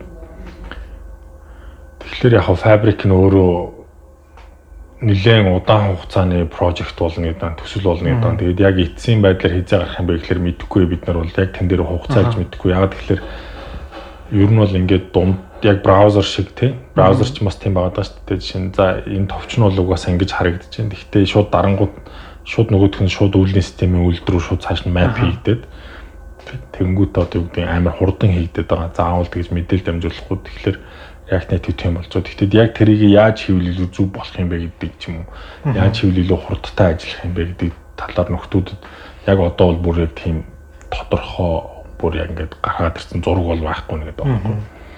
Тэгэхээр нөхдүүд ингээд бид нар ингээд туршилт хийгээд байна, эксперимент хийж байна. Тэгээд ингээд за болж байгаа юмудаа бол ингээд цааш нь аваад яваад бай. Аха. гэдэг нэмээд. Тэгээд а турбо modules дээр ч гэсэн ерөнхийдөө одоо fabric дээр одоо нөгөө хамгийн гол хэсэг нөгөө C++ дээр яг нөгөө хоёр талыг JavaScript тал, native талыг, платформын талыг нааж байгаа C код уу. Аха. Тэрэн дээр яг үгээр нөхдүүд юу ашиглаж байгаа гэхээр юу flow ашиглаж байгаа. Одоохондоо flow ашиглаад. Гэтэ flow-ыг яаж ашиглаж байгаа гэж хайгуу сонирно. Ер нь одоо сүүлийн үед яг нөгөө ингээд програмчлалын чиг хандлагыг харахад нөгөө багажул маш төгс болоод маш сайн болоод байгаа. Тэнгүүд нөхдүүд flow-ыг яаж ашиглаж ийнэ гэд тэрийг нэг хальт тайлбарлсан чинь яасан гэсэн чинь JavaScript дээр чинь одоо юу гэдэг за энэ бол одоо юу гэдэг за текст гаргалаа гэхэд өнгө гэдэг нь бол ийм ийм ийм утгатай тэр үн ийм ийм утгатай энэ ийм ийм утгатай нэгэд ингээд бид нар бол JavaScript дээр бүх юм мэдж байгаа шүү дээ. Тэгээд native тал дээр ч гэсэн ерөнхийдөө платформын тал дээр нь байж байгаа байхгүй. Тэгэнгүүт нөхдүүд дундлынхаа C кодыг яасан гэсэн чинь generate хийж байна. Flow-өөс уншуулаад flow файлаа маа гэдэг нэг юмар уншуулангууд нь а C++ дээр наадах чинь ийм код ингээд дуудагдах юм байна гэд. Тэнгүүт нь нөгөө C++ нэг SQL Java дээр ч юм уу Objective C-гийнх нь миний ойлгосноор бол ингээд баг хоосон классыг үүсгэж өгчих юм шиг л. Ийм метод, ийм метод байна, ийм метод, ийм ийм ийм параметр аав, тэг ийм ийм буцаа гэдэг юм ингээ үүсгэж чинь Тэнгүүт нь тэрэн дээр нь бид нар нүг яг үйлдэлийг нь гүйцээж бичих ажил үлдэж байгаа байхгүй юу гэдэг. Тэгээд бас нэг өөр нэг давуу тал нь яг одоо байгаагийнх нь болохоор чинь ингээл хүн хэрэглэхгүйсэн ч хамаахгүй амар олон компонентуудаар амар хийгээд байгаа. Тэрийгээ бас боловлж байгаа юм байна. Аа Тэгэхээр яг хөглөр зөвхөн тэр нэг гүүр болох C++ кодууд нь маш хөнгөн учраас тэргээ дуудчихал дуудангууд нь шууд шинээр объектуудаа үүсгэж явчих юм бэл. Turbo modules нь болохоор бас яг юу гэдгийг сая fabric гэдэг нь болохоор хүнд харагдах хэсэг нь багхгүй. Turbo modules нь болохоор хүнд харагдахгүй хэсгүүд байгаа. Одоо юу гэдгийг за мэдээлэл шеэрлээ ч юм уу тийм. Тэгээ share button дарахлаар яах юм back button дарахлаар яах юм ч юм уу. Одоо нэг тэр платформын тийм нэг юм юу хүнд харагд яг одоо гэдэг хүнд харагдах компонент view биш гэсэн үгээр ашигладаг яг бол юмнууд байгаа. Цаана яг API-тай харьцаж байгаа. API-тай тийм платформын API-тай харьцаж байгаа хэсэг. Тэрийг бас саяных шиг болгож байгаа байхгүй. Яг одоо ингээд C++-аар ингээд холбоод гүүрэн болгоод тэгээд нэг талд нь flow бичээд flow дээр бичингүүт нь нөгөөдхийн пад гэдэг юм дарангууд C++ код юм ч юм уу тий. Тэгээ нүг Java class-ийнх нь ерөнхийн стабуудтай. Тэгээ ер нь бол override-уудаа тэнтэй бичиж. Override-уудаа тэнтэй бичиж чинь тэгэнгүүт нь тэрийг ингээд гүйцээж бичнэ. Тэгэнгүүт одоо нөгөө Facebook дээр ч юм уу ер нь манай дээр ч юм уу ер нь React Native app дээр гарч байгаа нэг л аюул бол асуудал шүү тий. Миний app 100 модультай тий. Гэхдээ бүхэнд хэрэгцээтэй биш. Тэнгүүт одоо байгаа асуудал нь болохоор app нэнгүүд 100 модулаа 100 100-уулангийн ихрүүлж байгаа байхгүй. Тэгээ RAM дээр авчиж хийж. RAM дээр авчиж хийж чинь тий. Тэгээд тэрний чинь бэлтгэл ажил нэгээд одоо хичнээн чухал ордог тий. Тэнгүүд амар систем удаагаад байна гэж байгаа байхгүй. А шинээр нь яг хөө гэхээр ерөөсөө тэхгүй. Яг хамгийн анх эхлэх үед нь ажиллаулж эхлэх үед нь C++ код нөгөө нэг модулаа дуудаад эхлүүлээд ажиллахад бэлдээ, ажиллагаанд бэлдэнэ. Initialize хийнэ гэдэг ба шүү дээ. Тэгчнэ. Тэгээд тэр бол одоо юу гэдэг маш их юмнууд хэмнжийн гэдэг байна. Айгуу хурдан болчлоо. Бидний одоо дотоод ашиглаж байгаагаар бол нэлээд олон юу гэдгийг миллисекундыг ингээд хямнчлээ тий хүмүүс ингээд нэг ап хэрэглэх хугацаа нь айгүй багасчлаа л гэл.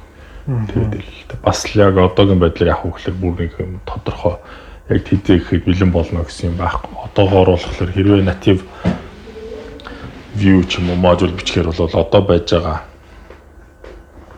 аргаараа бичээд явахаас өөр аргагүй л.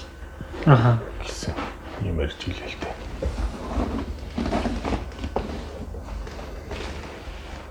Тэгээд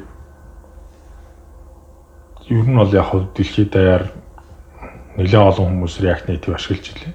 Аа. Юу гэдгийг тэнцээ чинь Польш нэлээд компаниас те тэгээд Америкаас гээд тэгээд бас нэг Facebook-д ажилладаг Америкт ажилладаг хүмүүс наашаа Лондон дээрэл бид нар бас уулзаал нэлээд юмнууд ярьсан л та тэгээд ярилцж байхад нэг хэний ч ямар гэлээ нэг компани судалгаагаар App Store дээр бараг 50 60 мянган React Native app байна. гэсэн тоо гарсан гэсэн. Амар том тоо. Аха. Тэг.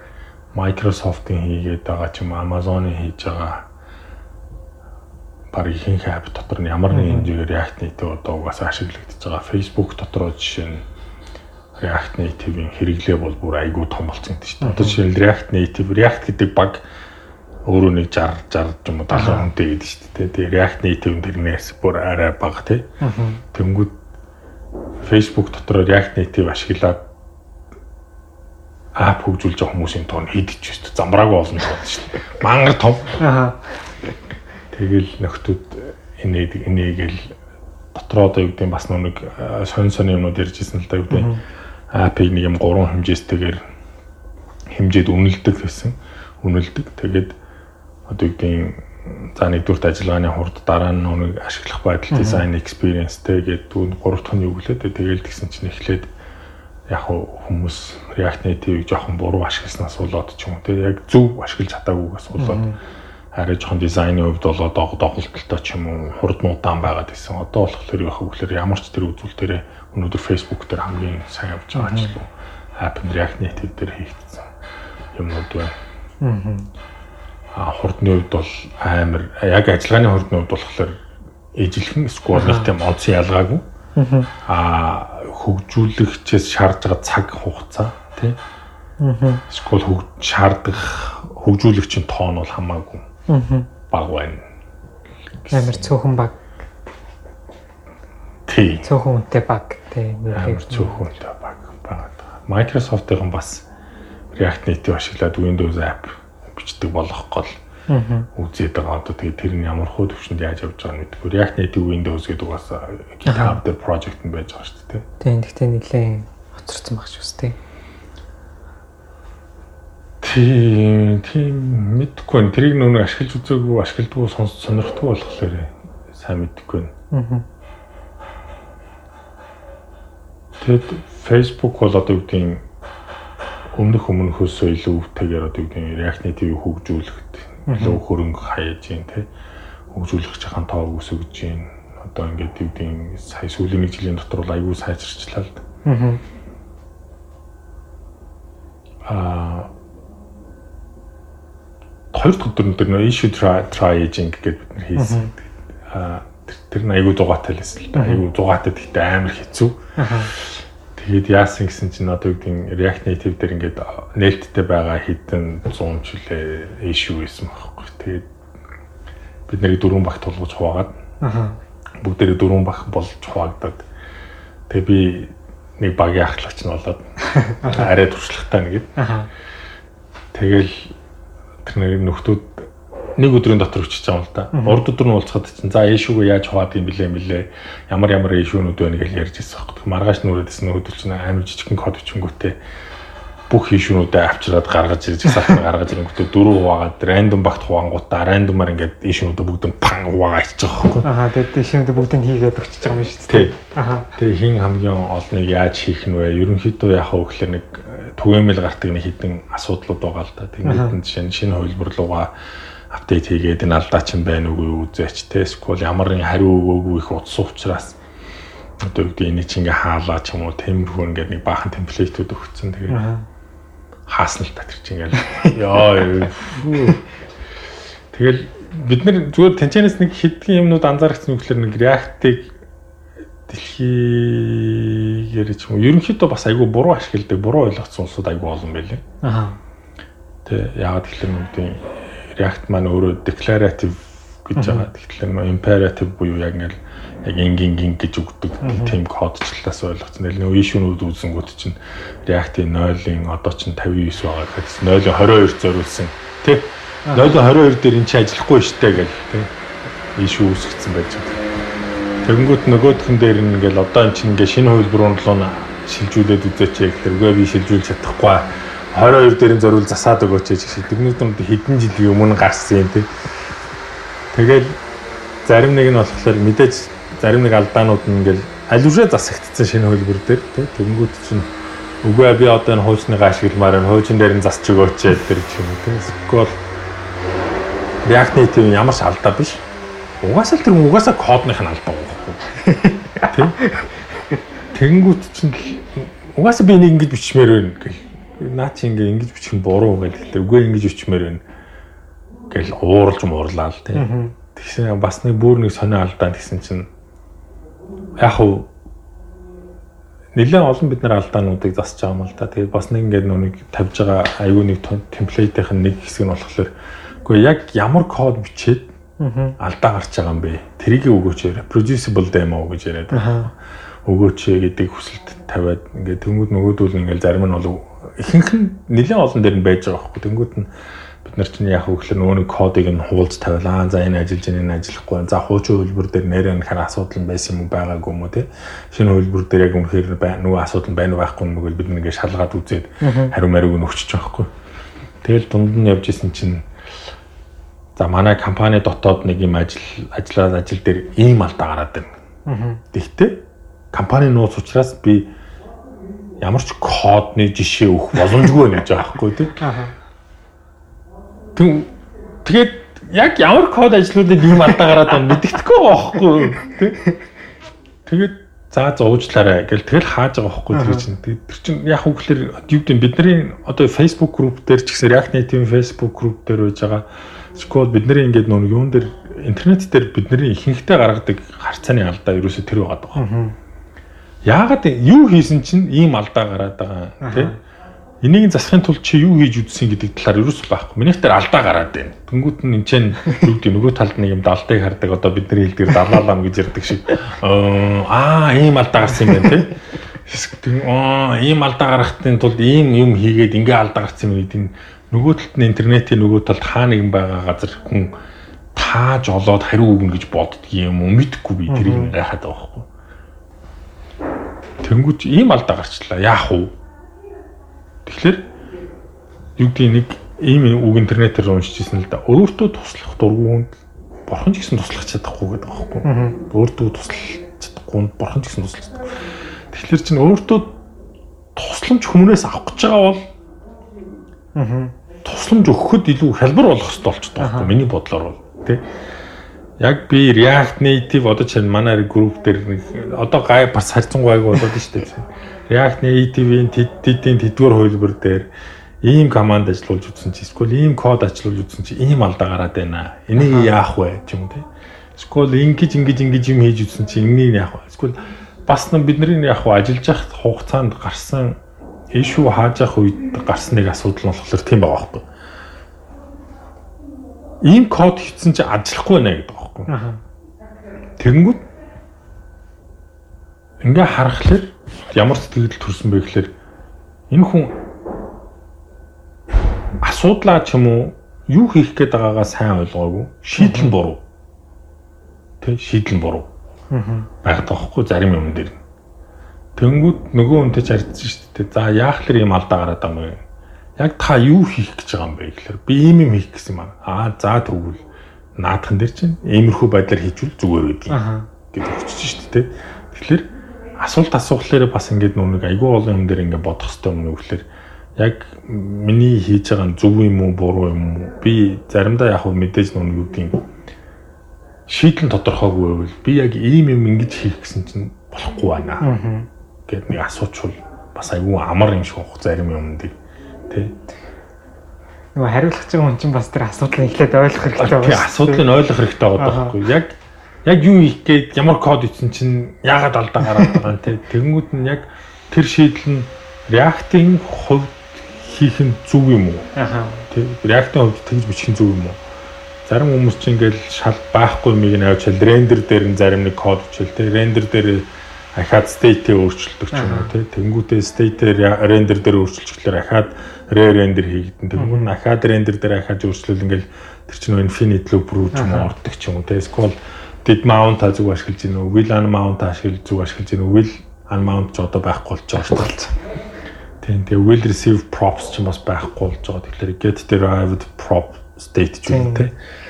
Гэх мэтлэнгээр энэ React-ыг ашиглаж явах хугацаанд яг үнэхээр зөв механизмыг ашиглаж гинүү гэдгийг бас айгүй зарим үе дээр ингээд бодмоор ойлгомоор зөндөл тэгэл мэдээж яг манай баг чинь хэдийн иш үүсгэсэн байсан бай бид нар чинь бараг 100 гарныг хагаа гэсэн. Амар хэцүү чинь. Тэгэл орж үзэл уншиж уншиж байгаа. Тэгэл манай багч гуруулаа гэсэн баг. Тэгэл гуруулаа ярилцаал энэ зөв юм болоо бороо юм болоо энэ юу гэж бодож чинь. За бүгдээрээс тестэлчихв. За тестэлж яваа. Болж юм. За тэгвэл засагдсан байна. За засагдсан байна. Та наадах сүүлийн үйлдвэртэй шалгаж үзээд үнхээр алдаа нь гараад байвал дахиад доорн команд хийчээрэй гэл маа хаагаал тий. Зарим хүмүүс болохоор ч айгүй сонир. Миний ингээд асуудал болохгүй нэг ийш үсгэж байгаа гэсэн. Аа за засагдсан байна гэ комент чи үлдээчихсэн байгаа байхгүй тий. Тэгээд чаачаагүй. Тэгээд тэнгууд нөө тэнгээл гүйлгэж харж байгаа. Тэр нь айгүй гоё кайфтай байхгүй. Гүйлгэж хараад аа за за энэ болцсон юм чи pack close гэж тавьчихсан дараал та. Маа тэгэхээр тэрийг бас ярьж ах зам нөө close хийх эрхтэй хүн байна, эрх хүн хүн байна. Аа. Миний хувьд болохоор эрхтэй байхгүй. Аа. Пам пам пам гэсэн баахны хаасан. Тэгэл зарим нь эргүүлэл хэрүүл хийсэн л байлгүй дээ. Аа яа хааж байгаа миний асуудал энэ хөлбөр дээр одоо ч ихсэн шийдэгдээгүй байх гэдэггүй уучлаарай шинэ хөлбөр дээр ашиглаад үзээч. React Native-ийн хувьд яг амар нэг хэсэг бол айгүй хурдан хөгжөөд явж исэн. Тэгээд айгүй хэвдэрсэн. Тэгээд сүүлд 50 0.57-оос хойш ерөнхийдөө айгүй амархан болцсон. Одоо 59-өөс цаашаага хөлбөр апгрейд хийгээд явхад илүү амархан болно. Тийм Одоо сая бас тэмцээд Лондонд байж хаад нэг яригдсан юм болохоор 3 дахь модулуудыг ашиглахад маш амархан болгоё гэдэг байна. Аа, нэмэлт пакэж одоо. Нэмэлт пакэж. Тэгээд тэгээд нөхдүүд би тэрэнд нь яг идэвхтэй оролцож чадаагүй. Яг тэгэхээр заримдаа нүг илүү хүмүүс байхлаар илүү нүг ажлыг удаагаад байдаг. Тэнгүүд нөхдүүд ингээд сууж агаад нэг хоног дотор нэг хоногийн дотор бичиж бичижсэн аа NPMS packages суулгангуудаа тэгээд өөр native iOS project-ын дээр ч юм уу Android project-ын дээр илүү юм хийхгүйгээр автоматар нөгөө 3 дахь тийм гадны модулуудыг илрүүлээд шууд оруулж ирээд ашиглаждаг тийм боломж нэмчих шиг болно. Аа зөв. Тэгээд тэрэн дээр нэлийн олон ажлууд сая өнгөрсөн хугацаанд хийсэн байл л дээ. Би чинь сая нэг 2 дахь 3 дахь Facebook дээр байж байгаа 4 дахь 5 дахь хагас амтсан ингээд ингээд ингээд 40 өдрийн хүртэл чинь баг интернетд ороогүй. Юу бас нэдэхгүй ингээд ууслайсэн чолоо шиг фад гэдэг алга болцсон. React Native хувьд бол юу гэдэг айгүй зөв юмуд байгаа тань. А Flutter-ын хувьд Flutter-ын тухай бид нар бас ярилцсан. Тэгээд Гэхдээ нэг тийм амар сүртэй ярилцаагүй л. Зүгээр ямар ямар юмнууд байна. Гэхдээ React-ийн хувьд ямар давуу тал байна гэхэлэр би чинь одоо юу гэдгийг Flutter руу нэгч харж үзээгүй. Туршилтын project үүсгэж үзээгүй баггүй юу? Нэг л ганцхан үндсэн шалтгаан. React гэдэг мэдлэг React-ыг одоо жишээлбэл яг өнөөдрийн байдлаар за яг ингэж ашиглавал зөв шүү гэдэг ингээд нэг тодорхой дүртэй болохын тулд бас баг баггүй хугацаа хугацаа өнгөрүүлээ судалж штэ тий. Тэнгүүд яг энэ олдсон мэдлэгээ эргүүлээд би веб дээр ч ашиглаж болж байна. Аппликейшнийг ч ашиглаж болж байгаа хгүй. Тэнгүүд Flutter-аар жишээлбэл Dart дээр мэдхгүй веб хийж болох юм уу? Dart веб бол ер нь болно. Өөртөө нөгөө нэг Dart-ийнх нь одоо веб нь Dart дээр гэдэг. Тийм. Гэтэ одоо React-ийг тийм амархан байх юм уу гэж мэдхгүй тий. React-ийг тийм том экосистем байна уу? Мэдхгүй Тэ. Тэгэхээр яг гэхэлэр миний хувьд болохоор яг ингээд нэг олоод авсан мэдлэгээ илүү олон салбарт ингээд ашиглахын тулд ашиглахлаар React нь бол миний хувьд бол өнөөдрийн байдлаар хамгийн зөв сонголт болж байгаа. Аха. Веб дээр ч ашигласан те. React ашиглалаа. Redux холболоо. Тэ тэр нь мобайл аппликейшн дээр ч ажиллана, веб дээр ч ажиллана те. Нөгөөдхийг нь ахижаад авчиад байхад өөр өөр юмнууд дээр ингээд хаад ашиглах боломжтой болж байна. Явандаа яг хуу Windows app ч гэсэн бичих боломжтой болчихно гэдэг байна шүү дээ. Явандаа ч одоо ч гэсэн боломж нь байгаа юм шиг л шүү дээ. Тэгэхээр гэх мэтлэнгээр нэг ингээд нэг олоод авсан мэдлэг айгүй олон талд ашиглах нь айгүй хэрэгцээтэй байна. Дээрээс нь яг юу гэдгийг бас нэг яригдсан сэдв нь болохоор React бол React Native бол ингээд анх гарснаас хойш нэлээд олон жил явчлаа тийм. Тэгээд ер нь бол алдаа дутагдлууд нь бол ингээд илрээд тий зарим компаниуд нь ашиглаж ийсэн аа өө анханасаа бид нар буруу ашиглаж ийсэн юм байна буруу ойлгож ийсэн юм байна гэдээ ашиглахаа болж байна тий айгүй олон компаниуд нь болохоор аа бид нар буруу ашиглаад байсан байна. Аа ингүүл зөв юм байна гэд тэрийгэ засаад явчихж байгаа. Тэгэхээр ингээд маш их мэдлэг хөрөмтлөгдчихлаа гэдэл л л дээ. Яг тэгэхээр одоо улам л ингээд полиш хийгдэл. Тийм полиш хийгдэл ингээд улам өнгөлөгдөөл улам супер сайн болоод байгаа бодож чинь блог постуудыг чинь бүгдээр ингээд харъя л да тийм. Тэгэхээр бол React Native дээр нарийн юмнууд яаж хийх үү гэдэг блог постууд жишээлбэл айгүй их байгаад байгаа шүү дээ. А Flutter миний бодлоор ингээд харахаар яаж эхэлж сурах вэ? Яаж энгийн ап хийж сурах вэ гэдэг блогуудад ингээд тэр чи одоо юу гэдэг React Native 3 4 жилийн өмнө тий ингээд яваад өнгөрцөн зам багхгүй. Тэгэхээр бас одоо юу гэдэг бас нөгөө нэг талаас нь Facebook-ийнхэн биш нөгөө нэг бас бусад айгүй олон компаниас ирж байгаа нөхдүүдийн ярьж байгаа юм болохоор яг одоо л юу гэдэг getting started гэдэг юм дээр бол айгүй энгийн апууд дээр бол гайгүй яваад ах шиг байна. Явж магадгүй юм шиг байна. Гэтэ дунд том хэмжээний ап дээр орж ирэхлээр хэр явах юм ямар асуудал үүсэх юм бэ тэрийг бол хинч мэдэхгүй. Тэр талаар бол одоо хондоо яг туршлага байхгүй байгаа учраас юу гэдгийг айгүй олон хүмүүс бол азнаад харзанж байгаа. Аа React Native бол одоо юу гэдгийг бас ингээд туршигдаа шал гарцсан бас гайгүй учраас хүмүүс илүү итгээд явж байгаа л tej чинь. Тинчээч нэг гэдгийг Polshin Call Stack гэх компани байна тийм захиалгаараа iOS app, Android app хийдэг компани гэлтэхэд юм бид нар бол юм бол нэлээд туршлагатай болчлоо. Энэ бол юм бол гайгүй цааш дээр ирээд юм байна л гэсэн юм ярьж л бас ахаад нэлээд олон компани нөхдүүд байгаа л да. Тийм тэгээд React-ийн мэдлийг ингээл олоод очиход нэг нэг бол React-ийн Гэтэ бас юу яаж нэг гэдэг байгаа. React сурчнаа гэдэг нь React Native сурчнаа гэсэн үг бас биш ээ. Тэгээ React дээр сурсан мэдлэгээр React Native дээр зөв ашиглаж сурах Тэгээ дээрэс нь iOS дээр зөв ашиглах, Android дээр зөв ашиглах гэл бас нэлээд жоох асуудлууд аа өөр өөр шийдлүүд байгаад л ах шиг үл л дээ. Тэгээд нэг яваад ирсэн. Сайхан сайхан. Одоо юу гэдэг анх удаага л миний хувьд ч үүдийн юу гэдэг девелопер байдлаараа. Аха. Гадагшаага яваад тэгээд ерөнхийдөө нөгөөдөл нь хүрээ дээр ичгээд уураад тэгээд ямжчоод яг юу гэдэг хүмүүстэйгээ уулзаал. Нөхдүүд болохоор ч өө чи чинь одоо нэрээгээл надаас хурж ирэл асуулт асуугаал. Зарим нь ч мэдхийн зарим нь ч одоо мэдэхгүй юм те. Тэгэл ингээл айгүй гоё уур амьсгал дээр Facebook-ийн офис дээр өглөөний хоолн Facebook-ийн хараа те өдрөө хоолн Facebook-ийн хараа гэл ингээл ажиллаж байгаа байж байгаа орчин тэгэл Лондон хот чинь ч өөр айгүй гоё юм бас айгүй гоё юм аа. Тэгээд юу гэдэг юм орчноо солиод ажиллаад айгүй их таалагддаг. 3 хоногийн дараа ингээл дуусахад бол маш их ядарсан байсан. Яг үннийг хэлэхэд те. Маш их мэдээллүүд ингээд авсан. Тэр issue triaging дээр бол ингээл 100 хэдэн зуун issue-нуудыг хүмүүс тулгуурсан асуудлуудыг ингээл уншаал ойлгохыг хичээгээл те. Тэнд нь яаж тусалж болох уу гэж бодоол тэгэл. Ингээл ажиллахад бол нэлээ ядарсан тэгэл. 3 дахь өдөр нь бол яг ингээл нэр үүдээс хойш 3 4 үед бол зүгээр ингээл ширээний хард ингээд суугаад байжсан. Вүкл толгой тохиол. Бараг унтхай шахсан л да. Тэгэл тиймэрхүү байдалтай. Тэгэхээр React Native би бол ер нь яг зүгээр ирээдүйн чиг хандлага нь болохоор аль болох native code баг бичихгүй гэдэг хандлагатай болоод ах шүү лээ. Яагаад тэгэхээр яг нэг код бичээд тэгээ тэр нь аль алин дээр нь ажиллаж байна. Тэгээ хурдны хувьд бол нэг тийм амар муу бол биш байгаа. Яг одоо гэхороо ч гэсэн муу биш. Бараг зарим тохиолдолд илүү байгаад байгаа. Тэгэхээр тэрийг ингээд ашиглаад илүү юм нэг юм уян хатан гоё кодод бичээд яваа тий. Тэ тэгээд ялгаатай юмнууд дээр нь ялгаатай юмыг нь яг native дээр нь бичээд явчих гээл тэ. Жишээ нь өмнө нь бол тэнцэн бас нэг хэлжсэн хідэн компаниуд болохоор өмнө нь бол Android-ийн 3 инженер, iOS-ийн 3 инженер ч юм уу тэ. Ингээд байжгаад app хийгээд тусад нь хийгдээд тусад нь хөгжүүлэлт нь хийгдээл тэ. Тэгэл нөө нэг нэг үеийн шинэ хувилбар нь гарахлаар нөгөөх нь ингээл хоорондоо зөрөлдөөл идэв гэсэн бол одоо яг хөглөөр нийтдээ бараг ингээд үгдийн нэг 3 4 хүний багтай тий нэг iOS-ын дээр инженер нэг Android инженер хоёр React-ийн инженер ч юм уу тий UI developer ч юм front end developer гэл. Тэгэл нөгөөдг ингээд бичдэг.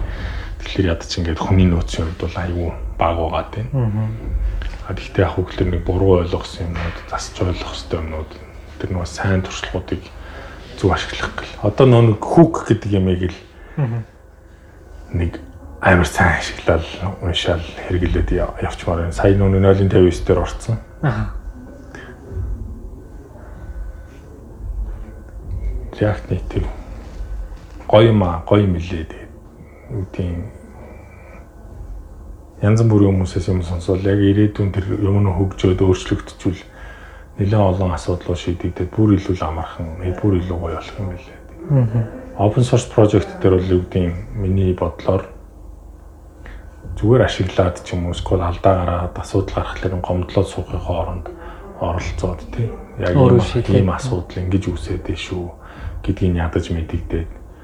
Тэгээд чадхаар үйл тэрийг нь шийдээд open source төсөл рүүгээ өгчөөд байвал цаашдаа илүү сайжраад явчихна гэх мэтлэнгээр ингээ боломжуудтай. Тэгэл Facebook-ийн нэлээд олон инженерүүдтэй бас өмнө одоо юу гэдэг миний хувьд бол яг тэгж явж үзээгүй шүү дээ. Тэгэл гадагшаа очоод нөхдүүдтэй уулз чадвал аль үшээний таньдаг те? Яг тэгэхээр интернет дээр ингээл бид нар хоорондоо баг байнгын харилцаатай байсан. Тэгээ өө юу байна? Сайн уу? Стан хотоо яг ингээ биеэрээ уулзаж анхдаа танилцаад үнэхээр сайхан байна гэх амар тийм гоё юм байл л дээ өөр мөцтэй.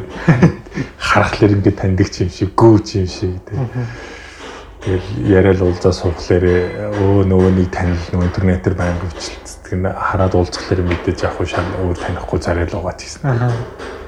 Тэр хвчлэнгээр яг интернетээр ингээд хүмүүстэй танилцал гадагшаага гараад л хүмүүстэй хамтарч ажиллаад яд харилцааны соёл нэлээд сайжруулах бол. Аа. React Native гоё байна. Манай групп ч одоо 600 гишүүнт болцсон шүү дээ.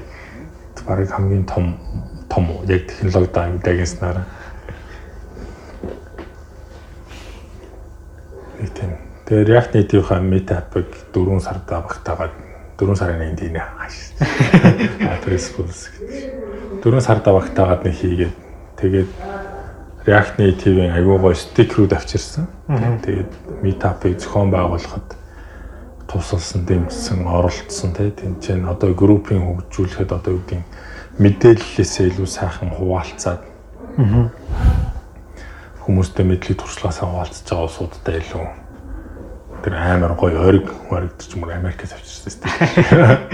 Яг Facebook-ийнхнаас нь React-ийн React Native-ийн багийнхнаас нь авсан стикерүүдээс өгөөд би өөрөө тэр одоо наа гоё гоё юм билээ гэсэн. Бодвол гэж харж байгаа тийм. Тэгээ одоо бол нэр Монголд 2 2 3хан React Native яг өөрөх нь ориг бодолт байгаа. Тэгэл одоо гангараад л явж өгөндөө тийм.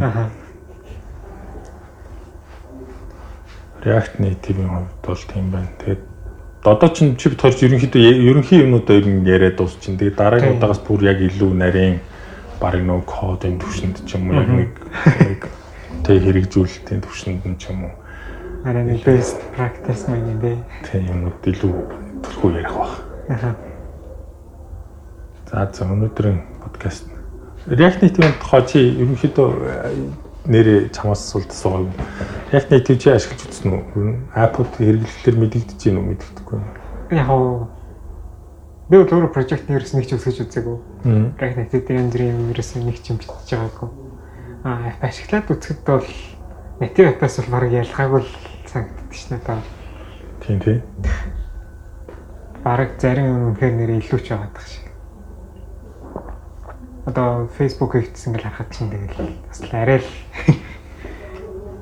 би ингээд устгаал буцаагаас олоход яг л өмнөх бүх юмнуудаар ингээд дахиад ямар ч асуудалгүй суугаалгаа тэгэл тэгээд бас л Instagram гэл Facebook одоо амар том амар олон аппликейшнуудыг Instagram ч нэрээ React Native дээр аягүй олон хэсэг нэгдсэн магадгүй. Тийм. Facebook-ийн app дотор ч гэсэн аягүй олон хэсэг нэгж байгаа юм билээ. Messenger-ийн доторх хэсэг дээр ер нь бол Facebook дотор React Native ашиглаагүй app нь ер нь их цөөх үлдсэн юм шиг үлээ шүү. Тэр яриагаар бол. Гэхдээ Facebook ч ямар амар том юм бэ тий. Амар том юм биш. Тэгээ ямар сандал тэгээд байгаа ч тийм нөгөө нэг App Store, Play Store-ийн топ 10 app-ийн бараг 5 6 Facebook аппликейшн алчаад байгаа. Facebook app нь тийм. Тэгээд бас нэг сонирхолтой нь Facebook бол айгүй том хурдан өргөжөөд байгаа юм билээ. Тэгээд тэгэхээр нууц уу нууц биш шүү. Бид нэр дээр нөө React Native-ийн тэнцээ биш нэг инженер, Facebook-ийн инженер.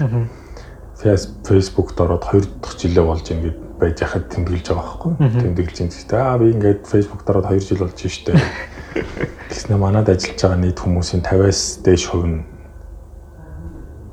надаас богино хугацаанд ажилласан шүү дээ гэж. Тэгэхээр 50-аас дээш шуурн 2 жилээс бага ажилласан байна. Тэгээд жил 6 мурган сар мар жилч болов. Ягаад тийм бага гэсэн чинь манайх маш их хүн авч байгаа тийм. Маш ингээд өргөжж байгаа. Тэгээд шинэ хүмүүс аваад шинэ хүмүүс аваад шинэ хүмүүс орж ирээд байгаа. Тэгэхээр баг намайг орсноос хойш баг 2 дахин илүү олон хүнтэй инженертэй ч илүү баг болсон баха ах байна л юм ярьсан. Аа. За ингээд өнөөдрийнхэн тэгвэл дугаарыг өндөрлөе. За дараагийнхын дугаарыг ерөөсөө 7 хоног 7 хоногтой онцгийн асуудал гарахгүй бол тэгэл хийгээл тасралтгүй явцгаая. Дараагийн дугаараар уулзцгаая. Асуултаа пэйж дээр үлдээгээрэй тий. Өөрчн. За ингээд түрүүхтэй. За түрүүхтэй. Walking on the bar, just